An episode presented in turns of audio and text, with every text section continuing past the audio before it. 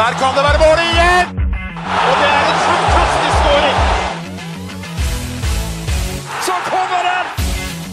Vi er våre beste menn. Vi har jo en del vi skal gå gjennom i dag. Skal vi bare, bare kjøre på med episoden vår?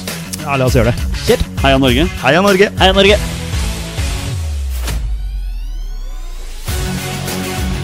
Takk, Ole Gunnar Solskjær!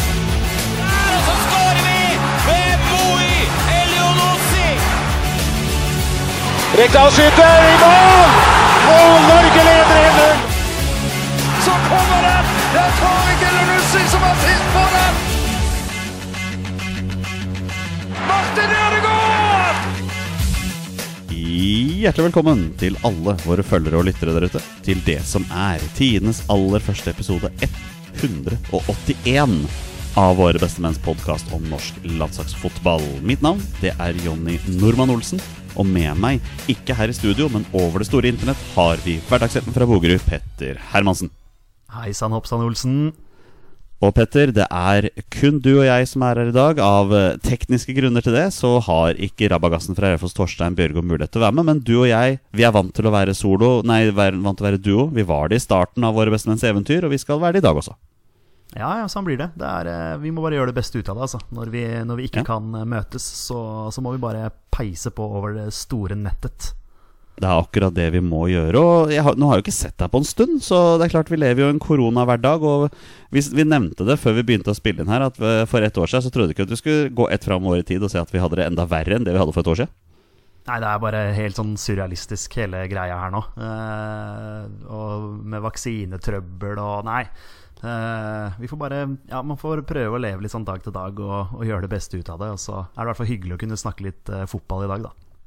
Ja, for det er jo sånn at når, eh, når tiltakene er som de er, så begrenser jo det våre beste menns muligheter til å samles i det hele tatt. For vanligvis så sitter vi jo sammen hos meg, men når restriksjonene er som de er, så har vi ikke muligheten til det. Og når vi har mangel på teknisk utstyr, så, så blir det noen, eh, da blir det noen pauser, dessverre. Ja, det blir sånn, det, det er bare sånn det er akkurat nå. Er, vi lever i en sånn tid, og så har vi veldig respekt for uh, de eh, holdt å si, lovene og reglene som gjelder. Så da, da velger vi å ikke møtes, og så, så respekterer vi det.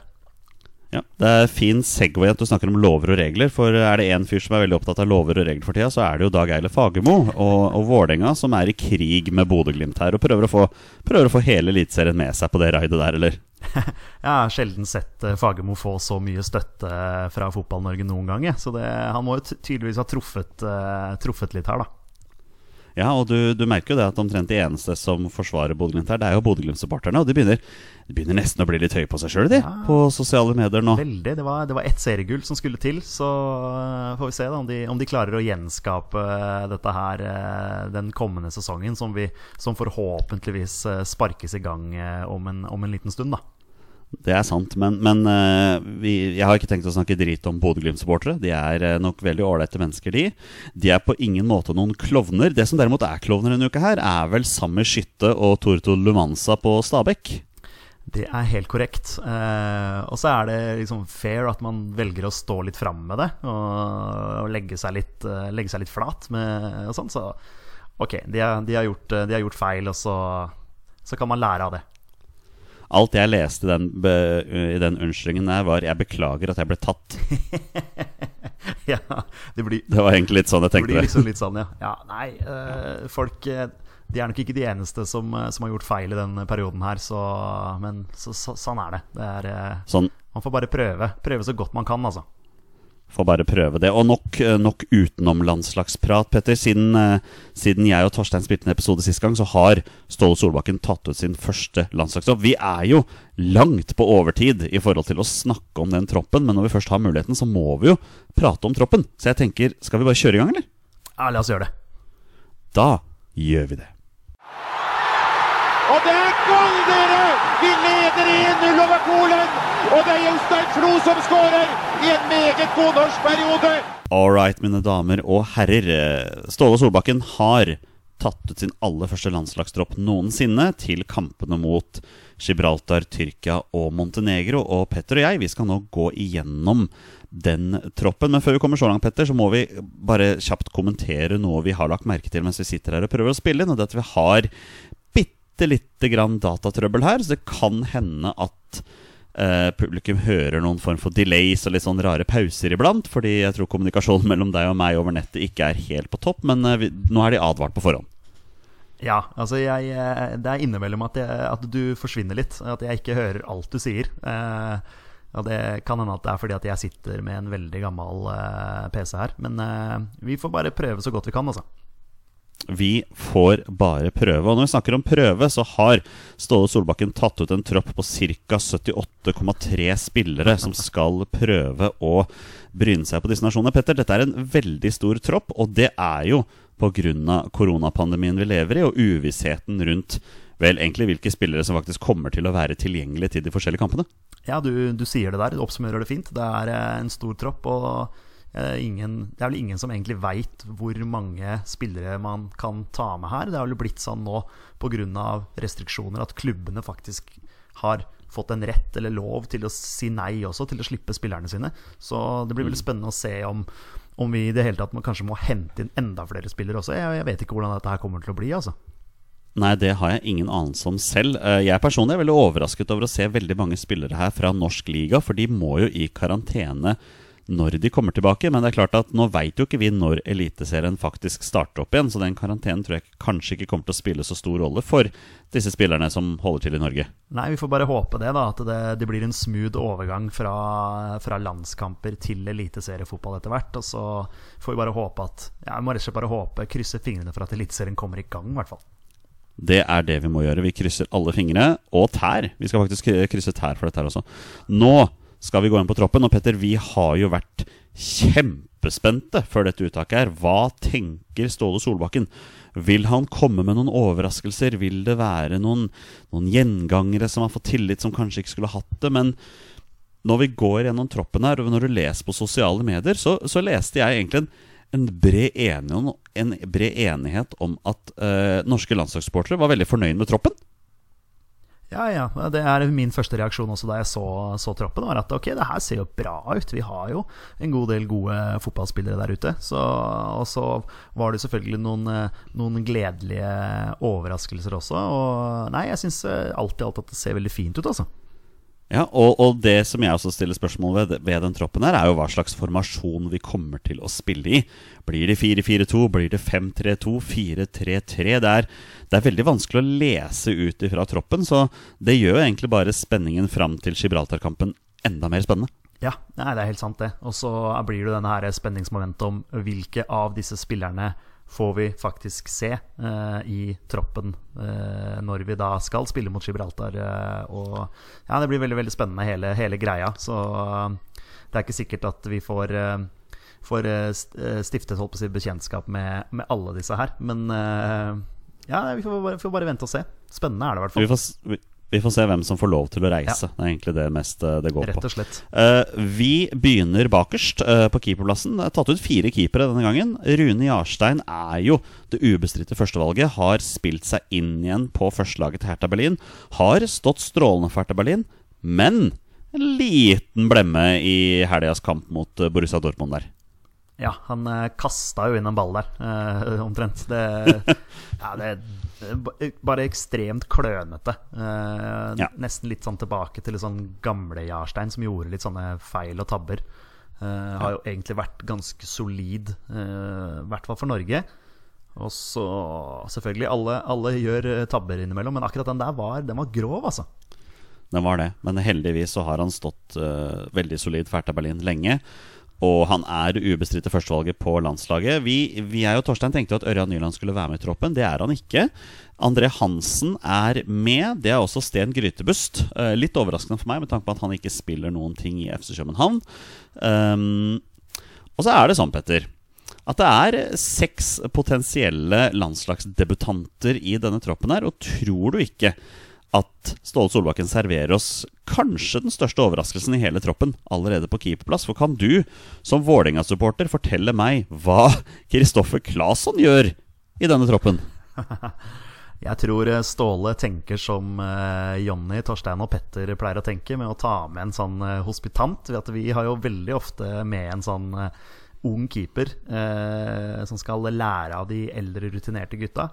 Eh, jeg syns først og fremst at det er veldig gledelig for, eh, for Claesson sin del. Eh, og det viser jo at Ståle Solbakken følger med, har fulgt med på utviklingen hans. Og han hadde jo bare en, en stigende god utvikling forrige sesong for Vålinga Og det er jo superstas da at en ung keeper kan få komme med på et A-landslag. Han kommer ikke til å spille, men han kommer til å være der som, en, som en læregutt og lære av eh, tre andre veldig veldig gode keepere. Så jeg hadde ikke sett det for meg, men eh, jeg syns det er veldig veldig kult. Og det er jo et signal om at kanskje Claesson er vår framtidige førstekeeper på landslaget, da. Absolutt. absolutt Og så viser det Ja, det viser igjen at, at eh, det går an å prestere godt i Eliteserien og, og få en eh, sjanse på, på A-landslaget. Og det, det viser Ståle her med en gang. Eh, ok, Grytebust også. Du, du er litt eh, Ikke kritisk til at han er med, men, du, men, men det er klart at er det noen som kjenner Grytebust og hans prestasjoner eh, på, på trening og, på, og i kamper osv., så, videre, så er jo det Ståle Solbakken. Så han kjenner nok veldig godt til hva han har prestert i, i Danmark, da. Ja, det, det, det må han jo. Det håper jeg jo. Um, hvis du ser keeperteamet setter den rett her, Petter, hva, hva tenker du? Er du fornøyd med de fire keeperne som er tatt ut? Er det du, er det noen du mangler her? Er det noen du ikke så for deg skulle være med? Nei, altså det er jo selvfølgelig eh, Rossbakk har jo vært en del av eh, keeperteamet en god stund, så jeg ble, ble litt sånn Litt overraska over at han ikke var med, men samtidig så er dette Ståle sin første tropp, og han har kanskje sett at Rossbakk har, har gjort noen feil, da. eh, ikke prestert like godt og hatt en like god eh, form og utvikling som det kanskje Claesson har hatt, da.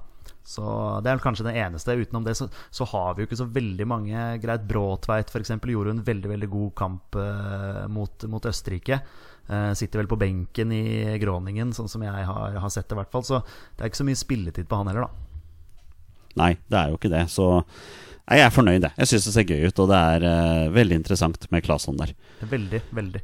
Veldig. Vi, vi hopper eh, et hakk fram på banen til, til Forsvaret her. Eh, På bekkene Haita Malesami, Birger Meling. Ikke overraskende på venstre bekk. Haita Malesami har jo begynt å røre på seg i Rostov. Martin Linnes også med. Han kan jo spille absolutt overalt, men jeg vil tro han er med i denne eh, troppen her som bekk.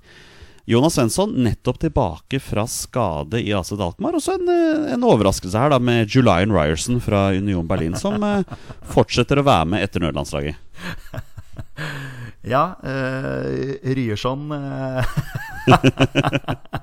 er en eh, presterer, presterer godt og, og fortjener en, en sjanse på, på laget. Og jeg så en av våre lyttere ville pushe han inn på, på startplass her, så spennende. Absolutt veldig spennende.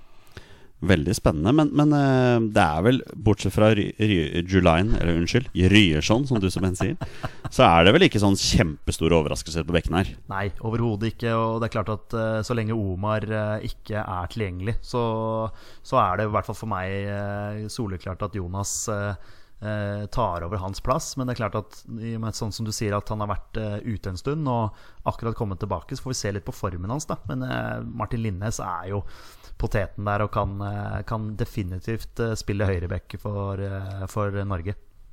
Absolutt, absolutt. Og så er det jo midtstopperplassen. da Den har jo vært knyttet veldig stor spenning til. Kristoffer Ayer er med. Bankers på laget kommer til å være et av førstevalgene. Det vi er mest spente på, er selvfølgelig hvem som kommer til å stå ved siden av han. Um, Ruben Gabrielsen uh, fortsetter å være med etter, etter nødlandslaget. Får med seg Leo Østigård, som ennå ikke har fått landslagsdebuten sin. Uh, Stian Rode Gregersen måtte vel melde forfall sist, men han er også med. Og det kan vel forsvares med at Molde nå er i Spania, har vært der i snart flere, i flere måneder allerede og spiller i Europa. Eh, Marius Lode, som har hatt en fantastisk sesong i Bodø-Glimt, uh, er også med. Og sistemann er da, for meg, noe overraskende, men Stefan Strandberg er fortsatt med. Stefan Strandberg har jo virkelig bitet seg litt fast, han nå. Uh, Kommer jo plutselig med under eh, Lagerbäck der på slutten igjen. Eh, og eh, jeg syns jo egentlig han presterte, presterte godt. Så, så jeg er ikke overraska sånn sett, hvis du ser prestasjonen hans på, på landslaget nå den siste tiden. Så tydeligvis Ståle fulgt godt med her og, og ser at han kan være en eh, stabil, god mann å ha med, ha med i troppen. Men han er ikke i spesielt god kampform, for han har vært, har vært lenge skada nå. Eh, eller ute av troppen i Ural, men eh, basert på landslagsprestasjonene så er det kanskje greit at han er med. Det som jeg syns er overraskende her, eh, og det er det flere som har stussa over, er jo at Andreas Hanke Olsen ikke får en plass i denne troppen. Det, det kom som en overraskelse på meg. Det var min, første, altså min første reaksjon var at hvor er Hanke Olsen? Uh, syns han gjorde en strålende nødlandskamp. så ja, savner han. Men uh, hva tenker du om midtstopperkvintetten? Uh, uh, er det det man sier om fem? som, som vi har med her. Um, nei, det er seks stykker, faktisk. Jeg telte feil. Det er en sekstett. Uh, hva tenker du om de seks midtstopperne vi har her? Er det våre, er det våre beste menn i Midtforsvaret per dags dato? Ja, altså det, det, det, kan jo være det. Altså, jeg savner som sagt uh, Hanke, Hanke, Olsen der. Uh, vi har jo vært litt manko på gode stopper, egentlig. Så, så for meg, jeg, jeg, vil jo sette opp Ayer, sånn som du sier. Og så er det jo å finne, finne, makkeren hans. Jeg vil veldig gjerne at man bygger et, bygger et lag rundt Kristoffer Ayer. Men uh, jeg syns egentlig det ser ganske bra ut, altså, uansett hvem av disse her som spiller sammen med Ayer, faktisk. Mm, tror du at vi får en landslagsdebutant i Midtforsvaret? Vi har, vi har tre potensielle her, i Marius Lode, Leo Østigård og Stian Gregersen. Tror du en eller flere av disse får eh, eh, Må holde tale på middagen etter denne kampen? ja, det tror jeg faktisk. jeg tror i og med at det blir så mange twists and turns her med tanke på korona, så, så vil, jeg, vil, jeg, i hvert fall forvente at en av de kommer til å, til å spille med flagget på brystet. Ja, det, det, tror faktisk jeg også. Og det blir veldig spennende å se hvem det blir. Vi eh, hopper opp midtbanen. Og her er det jo nesten hipp som happ hvem som er kantspillere, og hvem som er sentrale midtbanespillere. Det er alt opp, alt opp etter hva hva Ståle Salvatore bestemmer seg for. Det eneste som er sikkert her, er jo at eh, Mohammed Elenossi er med som kantspiller, Petter. Det er helt sant. Det, det, ja. ja. Jens Petter Hauge står også oppført her som eh, kantspiller. Han kan vel også være med lenger framme. Også gledelig å se at han er med. Martin Ødegaard er jo med, og vi, vi må ta noen ord om Martin Ødegaard her nå, Petter. For han er vår nye landslagskaptein. Ja, uh, gratulerer så mye til, til Martin med den uh, oppgaven der. Det er jo stort. En uh, ung spiller som har opplevd ekstremt mye allerede i fotballkarrieren sin. Og begynt å levere i Premier League også, eller begynt å levere for Arsenal. Har skåra mål i to kamper på raden, så det er jo ganske kult. Både i Europa der og i, i Premier League. Skåra i Nord-London Derby der, så det er jo tøft. Og en eh, stor oppgave for han. Eh, tar over etter en rutinert herremann eh, i Stefan Johansen der. Og jeg tror det blir bra. Ja, altså. Jeg tror Martin Ødegaard kommer til å vokse enda mer som fotballspiller med å ha bindet rundt, rundt armen. Så du er en av de som er Du er, du er fornøyd med valget av ny landslagskaptein? Absolutt. absolutt jeg, eh, jeg, kan se for meg at han eh, tar tak ut på banen. Eh, gir de riktige beskjedene til spillerne rundt seg og, og, er en form for motivator. Og, ja. og så er han jo en spiller som, som, er en av de første på blokka. Sant? Litt av det negative rundt Stefan Johansen var jo dette her at ok, skal vi ha en kaptein som, som ikke, ikke spiller 90 minutter osv. Så, videre, og så, videre. så Martin Ødegaard Ødegaard kommer til å spille 90 minutter for, eh, for Norge. Og, og, kommer til å være en viktig mann for oss eh, fremover. Så jeg er veldig positiv til valget. Og muligens fortsetter han med den eh, lange tradisjonen det har blitt, med sentrale midtbanespillere som blir landslagskaptein og spiller på kanten for Norge. Han tar muligens å fortsette videre der. Det kan godt hende. Og så ser jeg heller Martin Ødegaard på kanten enn Stefan Johansen på kanten, da, hvis du skal ta den. Men det hadde vært veldig veldig gøy å sett Martin Ødegaard i en sentr altså sentralt i banen for Norge. Det hadde vært veldig gøy å sett. Men der begynner det å bli ganske trangt. Uh, det skal vi se når vi går gjennom resten av troppen her nå. Sander Berge er uh, for meg veldig overraskende med, for han er jo skada. Så det er jo i det hele tatt usikker på om vi får sett han i, på banen i noen av disse kampene. her Men for meg, jeg tenker litt tilbake til første troppen som Lars Lagerbäck tok ut for fire år siden. Da tok han ut Markus Henriksen i troppen, selv om vi visste at han ikke kom til å spille. Er det, er det det vi ser her nå? Er det Ståle Solbakken som vil ha med Sander Berge fordi han har en klar plan om at han skal prioriteres? Ja, det er rett og slett det. Han skal, ja. uh, han skal være en del av dette her, og så skal han få får vist det, eh, selv om han er ute med langtidsskade. Så, så det er et sånn signal fra Ståle Solbakken at du er en av de som er førstemann på blokka her og kommer til å spille mye fotball under meg. Og vil at du skal føle deg som en del av gruppa selv om du er, eh, ikke er tilgjengelig for spill. Da. Så det er egentlig en, eh, en kjempefin greie, egentlig. Det syns det er bare, bare positivt. Ja, det syns jeg også. Eh, Mats Møller Dæhlie, kaptein på nødlandslaget, får også være med i den troppen her. Har begynt å spille mye for Nürnberg etter, eh, etter overgangen. Er det, er det, greit å ha med Mats Møller? Absolutt. Eh, der har du jo igjen en spiller som du kan bruke eh, både på kanten og sentralt i banen, egentlig. Eh, så jeg eh, ja, Vi har jo snakket om det før, du og jeg, Jonny, er jo veldig, veldig svake for Mats Møller Dæhlie, så jeg er veldig glad for at han først og fremst får spille, spille fotball i, i, Tyskland der, og, og at han er med på, på landslaget.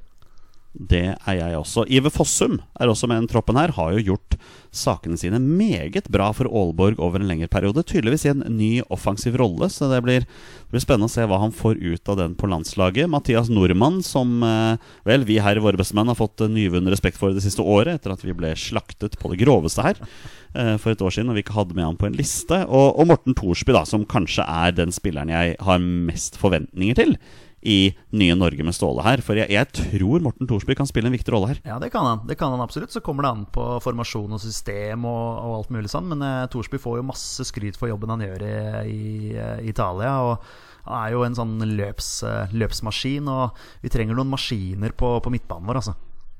Er vel den som løper mest i hele serien, mener jeg? Ja, han ligger, ligger høyt oppe, oppe, på lista der. Så nei, det er absolutt en spiller som man har store forventninger til, da. Ja, og en annen spiller som jeg jeg vet ikke om jeg har forventninger til, men jeg har eh, litt ambisjoner på hans vegne om at dette er hans mulighet nå til å spille seg inn. Det er Fredrik Mitsjø, som er med her. Eh, er jo alltid med, men sitter, har stort sett sittet på benken. Men skal han gripe muligheten, så må han gjøre det nå, Petter. Ja, og så kommer det jo mye an på dette her om eh, klubbene slipper spillerne sine av gårde på disse oppdragene, og hvem kan spille den kampen, og hvem kan spille den kampen. Og så, ja, det er som du sier, så altså, må man bare ta vare på muligheten når man, når man får den. Og det syns jeg kanskje ikke han har gjort eh, tidligere. Det er jo flere i den troppen her som kanskje ikke har, har tatt sånn veldig, veldig godt vare på muligheten, men nå, nå får de en ny sjanse, og spennende. Veldig, veldig spennende. De to, de to, siste på sentral midtbane her eh, Den ene er Christian Torstvedt, som med dette uttaket har tvunget eh, pappa Erik ut fra kampene knytta opp mot TV 2. Jeg så at eh, Erik Torstvedt har trukket seg fra fra å være i studio eller være rundt kampene i det hele tatt. Uh, rett og slett fordi sønnen er tatt ut, og det er vel kanskje den rette måten å gjøre det på? Ja, er ikke det ganske ryddig? Uh, slipper han å skulle kommentere hva sønnen hans uh, holder på med. på den lista som jeg har her, så er han oppført som angrepsspiller, men han kan, vel, han, kan vel, spille både, både på midten og, og mer offensivt i banen, da. Ja, det er greit. Han var jo angrepsspiller på U21, men jeg teller han som sentral midtbanespiller. Ja. Det, er ikke, det er ikke Leif Gunnar Smerud som tar ut troppen denne gangen. Nei, det er det jo ikke. Og så får vi se hva, hva Ståle, hva Ståle finner, finner på her. Yes. Sistemann, mulig landslagsdebutant, Patrick Berg. Kanskje beste sentrale midtbanespilleren i Eliteserien i fjor. Fullt fortjent at han er med. Og ja, tror du han får sin landslagsdebut, da? Ja, man kan jo, kan jo, håpe det. Det er, gøy, det er gøy med debutanter. Eh, jeg veit ikke helt om han allerede klarer å spille seg inn på en altså, Det er klart at Sander Berge forsvinner jo ut her, da. Eh, en mann som naturlig ville vært eh, en av de første på blokka på sentral midtbane. Så det er klart at Patrick Berg kan, kan spille seg inn der. Igjen en fin anerkjennelse fra Ståle her, at han, han følger godt med på hva som skjer rundt i norsk fotball. Og Patrick Berg, som du sier, er jo en fantastisk sesong. En av de beste, om ikke den aller aller beste sentrale midtbanespilleren i, i Norge og Eliteserien i, i fjor. da det blir, det blir, rett og slett veldig spennende å se. Jeg håper han får landslagsdebuten sin. Jeg syns han, han, fortjener det lite men det er jaggu noen Det er noen tunge kanoner her han kjemper med òg, altså. Så det blir ikke bare bare for Patrick. Men det er litt, det er litt gøy òg, at det er, det er, kamp om plassene her. Eh, og ja, det er liksom ikke Det er kanskje ikke midtbanen som er liksom det største problemet vårt, da. Nei, det, det, tror ikke jeg heller. Og når vi kommer opp på angrepet her nå, som vi skal avslutte med, så er det kanskje ikke det vårt eh, største problem heller, for å, for å si det sånn. Um, Erling Haaland fortsetter å få tillit på landslaget, selv under ny landslagstrener. Har, har eh, syv landskamper og seks mål, så vi kan vel si at Erling Braut Haaland fortjener å være med videre.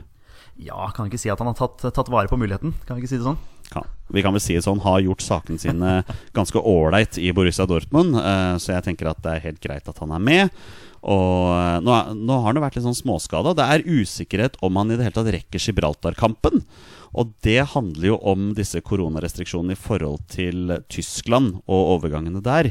Uh, og Det medfører også at uh, den andre mannen som er i angrep her fra Tyskland, Alexander Sørloth, også eventuelt ikke rekker de kampene her. Men hvis de rekker kampene, så har jeg en mistanke om at kanskje Braut Haaland passerer ti landslagsmål allerede i første kamp mot Gibraltar.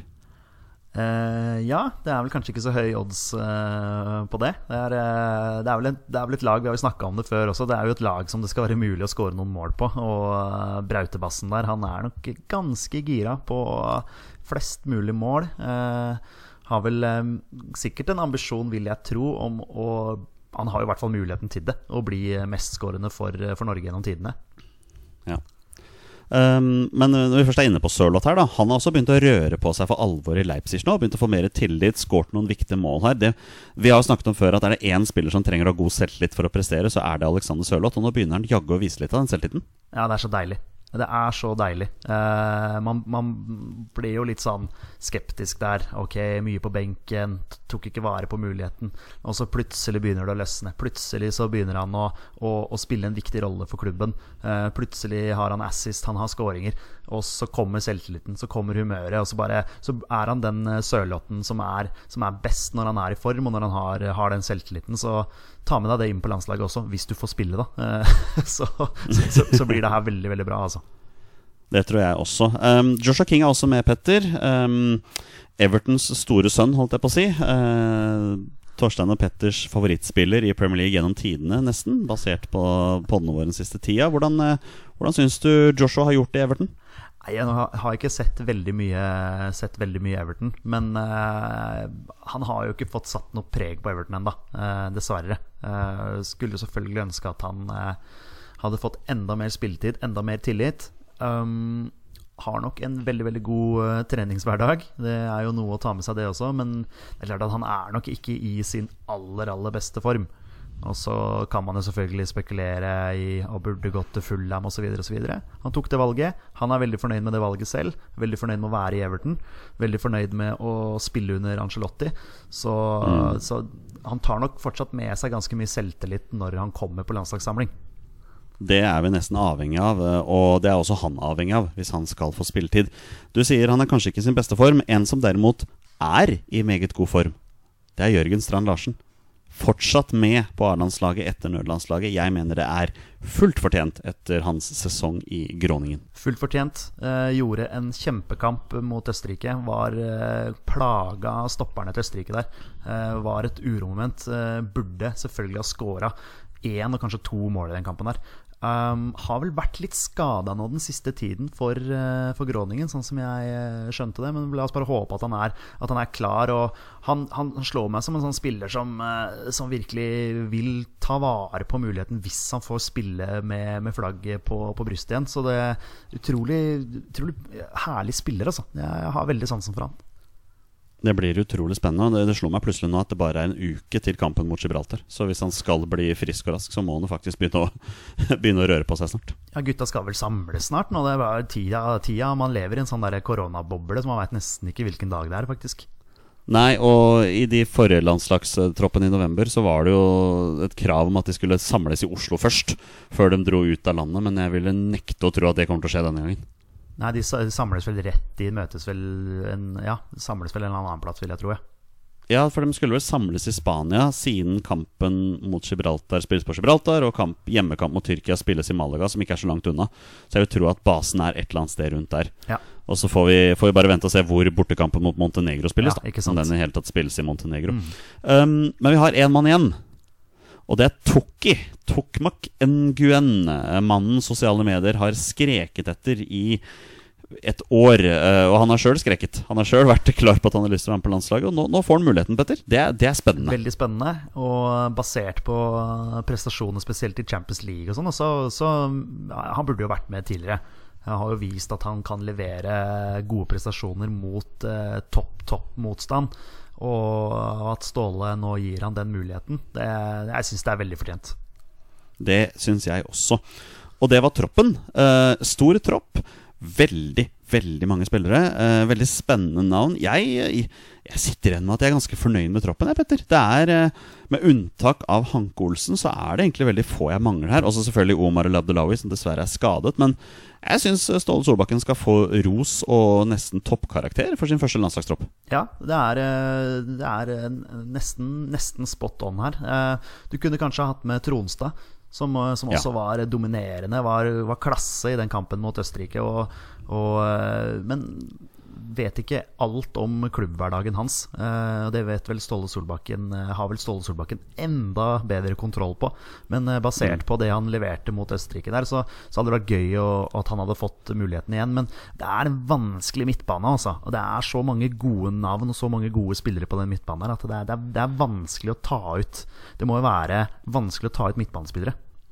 Ja, og Ståle Solbakken sa vel det også i pressekonferansen selv òg, at uh, både Tronstad og Hanke Olsen var spillere som var helt i vannskorpa i forhold til å bli tatt under i den troppen her. Så det er mulig vi får se Tronstad på landslaget i løpet av 2021. Ja, det, det hadde vært veldig gøy å se. Det syns igjen at Ja. han, han var dominerende i den eh, Østerrike-kampen. Utrolig, utrolig gøy at litt sånn derre Litt, litt sånn småukjent spiller. Eh, man kjenner han jo litt igjen fra, fra Eliteserien, selvfølgelig, men, men eh, han tok virkelig vare på muligheten der. Så ja, håper at vi får se han med flagget på brystet igjen.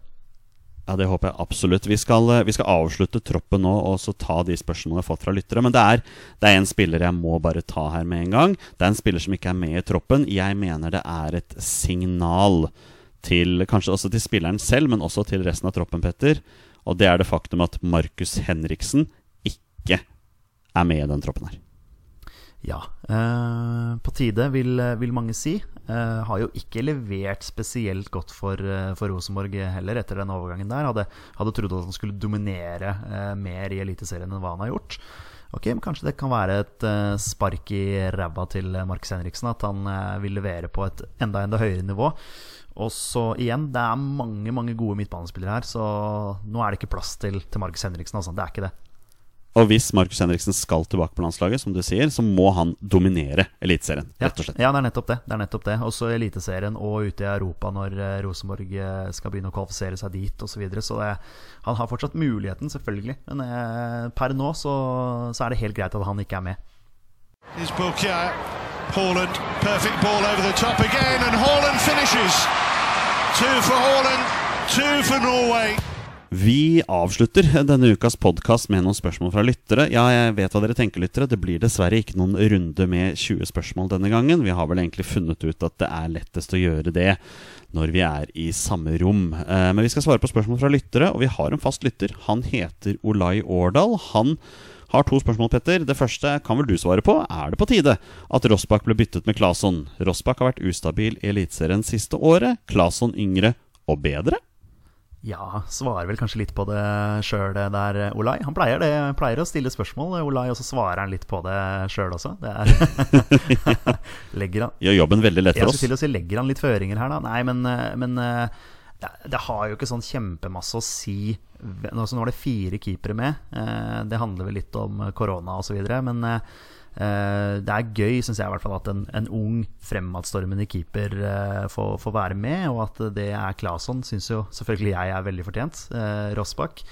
eh, Vært litt sånn nedadgående, ikke vært like god som, som vi vet at han kan være. Så det var kanskje på tide med et, med et skifte der, ja. Jeg hadde jo Rossbakk som telefongjest i podkasten vår i fjor. Uh, Han var ganske tydelig der på at ambisjonen hans var landslagsspill, i hvert fall. Så hvis Rossbakk skal med igjen, så må han heve seg. Ja, ja, absolutt. Og så må man jo i gang med, med eliteseriefotball etter hvert og få, få sett han spille. Og han har vel ambisjoner om å komme seg ut av Norge og spille for en større klubb også, så selvfølgelig. Altså Sjansen hans på, på Lansen er ikke, er ikke ferdig, selv om han ikke er med denne gangen. Absolutt ikke. Eh, Og Lai Årdal har et spørsmål til. Er Kristoffer Ayer så god som folk skal ha det til? Hvor, hvor god skal folk ha det til at han er? Altså Nei, det er et sabla godt spørsmål. Men, men finnes, det, finnes det en bedre norsk midtstopper per dags dato? Nei, jeg mener jo at det ikke er det. Og jeg mener at prestasjonene til Kristoffer Ayer i Celtic over en lengre periode er gode nok til at han selvfølgelig forsvarer en plass. Jeg mener at han er en av de første mennene som skal på blokka eh, på landslaget vårt. Men han må komme seg vekk fra Celtic snart. Han må komme seg til en ny liga, til en, en bedre liga, og vise at han kan ta videre steg også. For hvis du ser på Kristoffer Ayer, han har faktisk uh, Han har allerede 19 landskamp for Norge. Han blir 23 nå i april, så det er jo rette alderen for å komme seg vekk og prøve noe nytt. Absolutt. Og så tenker jeg at han eh, fortsatt er veldig ung eh, som eh, midtstopper. Eh, og at eh, han har mange, mange år, gode år foran seg. Eh, jeg mener per dags dato at han er den beste midtstopperen vi har, og at han selvfølgelig er så god som det folk skal ha det til. Nå høres det ut som han er Sergio Ramos, da. Altså, det, han er jo ikke det. Han er ikke på det nivået. Men, eh, men, men at han kan bli eh, også en topp, eh, toppstopper.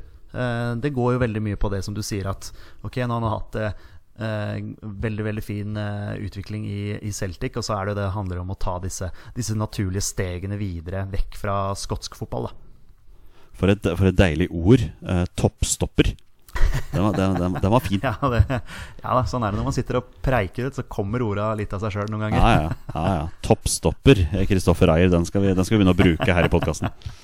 Um, Vegard Wieland Helgesen. Hvorfor er ikke Per Kristian Bråtveit inne for Grytebust? Yngre og leverte meget bra under forrige samling. Det er et, eh, det er et legitimt spørsmål. Ja, det er helt, helt innafor det. Um, jeg tror det går veldig mye på at Ståle kjenner han, kjenner han godt. eh, kjenner han eh, som type. Kjenner til kvaliteten hans. Mye mer enn kanskje han kjenner til eh, kvalitetene til Bråtveit, og hva slags type han er i garderoben, hva slags type han vil være i et keeperteam osv. Så, videre. så jeg vil tenke det at eh, Ståle tenker team her. Eh, hvem er det som kan eh, løfte hverandre? Hvem er det som kan gjøre eh, den andre keeperen, den eh, tredje keeperen, den, altså første keeperen osv. bedre? Hvem er det som fungerer godt sammen i et team? da? Jeg ville tenke at Ståle tenker på den måten når han, når han tar ut de fire da, som han har tatt ut. Yes, Og så spiller jo ikke Bråtveit eh, ball akkurat nå. Han sitter på benken på utlån i Groningen. Ja, ja, og så er jo Grytebust en mer rutinert keeper også, sant? Han har vært med på, Ja. på litt av hvert. Så jeg, jeg, jeg, igjen, jeg tror han tenker uh, keeperteam, og at uh, de uh, kommer til å utfylle hverandre godt. Det må vi bare satse på. Um, Jarda Birkeland, sjokoladebamsen fra Sørlandet, som vi kaller han for i podkasten vår. Uh, han er jo gjestevikar en gang iblant. Hvordan tenker dere stå her på stoppeplassen ved siden av Kristoffer Ayer? Hvem er mest aktuelle? Mye alternativer inne på den plassen i troppen nå. Uh, for meg, førstevalget ved siden av Kristoffer Ayer nå må jo nesten være Ruben Gabrielsen. Ja. Her, uh, Ruben Gabrielsen er jo en uh, ja, sånn ledertype, mm. sammen med Ayer, egentlig. Og litt, litt punch der, litt trøkk. Eh, en god, god spiller. Eh, god eh, duellspiller, god i lufta. Eh, så jeg, jeg tenker også Ruben som den første til å sette opp sammen med Ayer, da.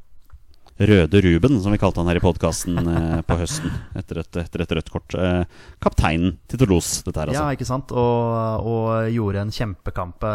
Det var jo Altså, hele laget leverte jo solid mot, mot Østerrike. Men eh, man var jo man var jo litt skeptisk til at liksom, å, kommer vi til å slippe inn fem-seks mål i den kampen her. Eh, nå sa jo Ruben Gabrielsen det ganske fint før kampen også at nå er det ikke en, det er ikke en gjeng med pubspillere her som, eh, som skal spille. Det er jo liksom, vi er jo gode fotballspillere vi også som skal gjøre alt vi kan for Norge. Og, og det gjorde de definitivt. Og han spilte seg ikke akkurat ut, nei. Han gjorde ikke det. Um, vi hopper opp til Anders H. Hansen. Um, Julian Ryerson bør satses på som ny høyreback med tanke på hvilken liga han spiller, og at han nå tilsynelatende er fast. Er du, er du enig i den påstanden? Ja, men altså Dette vet eh, tydeligvis uh, denne herremannen enda mer om enn hva jeg eh, vet om. Så får bare la holdt på å si tvilen komme tiltalte til gode her og si at ja, jeg er helt enig. Helt enig.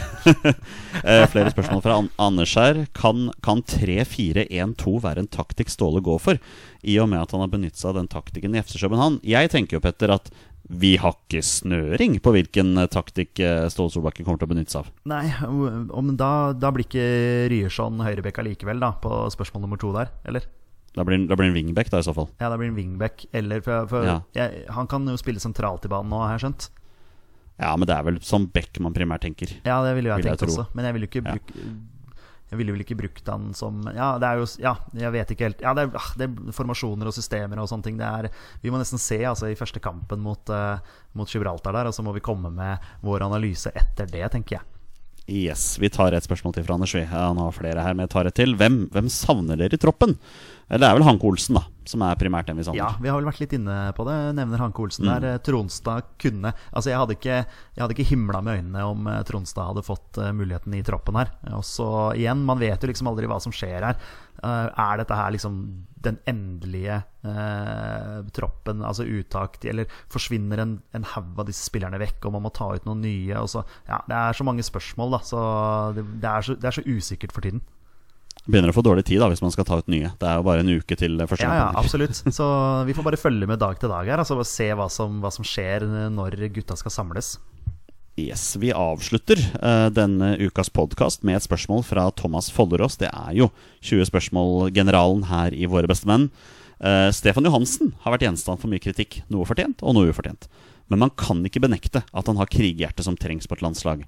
Er det noen naturlige erstatter i denne rollen? Den som står i kampen for lagkameratene og ikke er redd for konflikter? Det er et eh, strålende spørsmål. Supert uh, spørsmål. Uh, og det er helt riktig som Thomas sier der også. Du skal ikke ta noe fra Stefan Johansen når du kommer til å kommer til å blø for drakta og stå opp for lagkam lagkamerater osv. Så sånn sett har han jo vært en, en superkaptein. Og så har det vært eh, kjedelig at uh, han ikke kan uh, spille 90 minutter osv. Så, videre. så er det typisk, dere snakka om det i forrige episode, Torstein og du, at uh, det er jo typisk at når han først spiller 90 minutter for Queens Park Rangers og leverer, leverer varene, så, så, er han plutselig ikke en del av landslaget lenger. Det, men den første liksom, som, som, dukker opp for meg, som kan være en sånn type Hvis ikke jeg husker helt feil her nå, så, så mener jeg at Mathias Nordmann kom vel innpå mot, mot Serbia og klinka ned en serber etter ett minutt eller ja. sånt, etter at han kom på banen og fikk gult kort. Uh, så, så, så, at kanskje han, kanskje han, kan være en sånn type som, som, som, som kan krige litt og, og sånn. Uh, men det er liksom det første som, som dukka opp her nå, er uh, Jeg får si jeg får, får slå et slag for, for Mathias Nordmann, altså. Ja, og jeg vil gjerne ha med Erling Braut Haaland også i den diskusjonen der. Også en spiller som kan uh, ta, stå, i, stå, i, for lagkameratene ja, absolutt, sine. Absolutt. Og vi har jo flere også, selvfølgelig. Nå tenkte jeg primært på midten, men uh, selvfølgelig. Brauten der. Uh, du har du har Ruben Gabrielsen, du har flere der som, som kan virkelig trøkke til. Altså, og stå opp for lagkamerater og, og være å være litt sånn ekkel å spille mot. Det, det, er viktig, og det har Stefan Johansen vært uh, i flere kamper. Uh, ja. ja. så Det har han så absolutt. Um, ja, det er litt rart å, å avslutte den så tidlig. Vi pleier jo å ha 20 spørsmål, men det er egentlig bare å si Og med det er det på tide å avslutte denne ukas episode av Våre bestemenn. Petter, uh, jeg tenker jo at vi prøver å få til en episode neste uke også, før landskampen mot Gibraltar så er det jo, er det jo påskeferie, da. Hvem, eller påskeferie og påskeferie. Det er påske, kaller det for. For hvem vet om det blir ferie i det hele tatt. Så vi må egentlig bare ta podden uke for uke vi nå og se hva vi ender opp med. Ja, vi må bare gjøre det. Og så selvfølgelig må vi ha en liten, uh, liten build-up eh, til uh, Gibraltar der. Og kanskje det kommer en reaksjonspod. Vi får se hva vi klarer å få til. Sant? Det er uh, litt begrensninger nå på grunn av ja, altså ja, kan vi spille vi, Du har jo snakka litt om å spille inn podkast ute, Jonny. Eh, det er jo muligheter for det, selvfølgelig. Det er ikke meg det står på der, for å si det sånn. Det er, eh, det er to, to, andre herremenn som må, som må, bli med på det, i så fall. Hvis, eh, hvis, hvis, påskeværet blir bra, så er jeg med, altså. Ja, jeg akkurat nå satt og tenkte på det nå, så det hørtes egentlig veldig koselig ut. Ja, det gjorde det, faktisk. Ja, ja, det det. Lite, litt varmt i litt, litt, kakao der og litt Kvikk Lunsj og sånt, så, så, er det der. Åh, det høres helt nydelig ut. Dette må vi få til.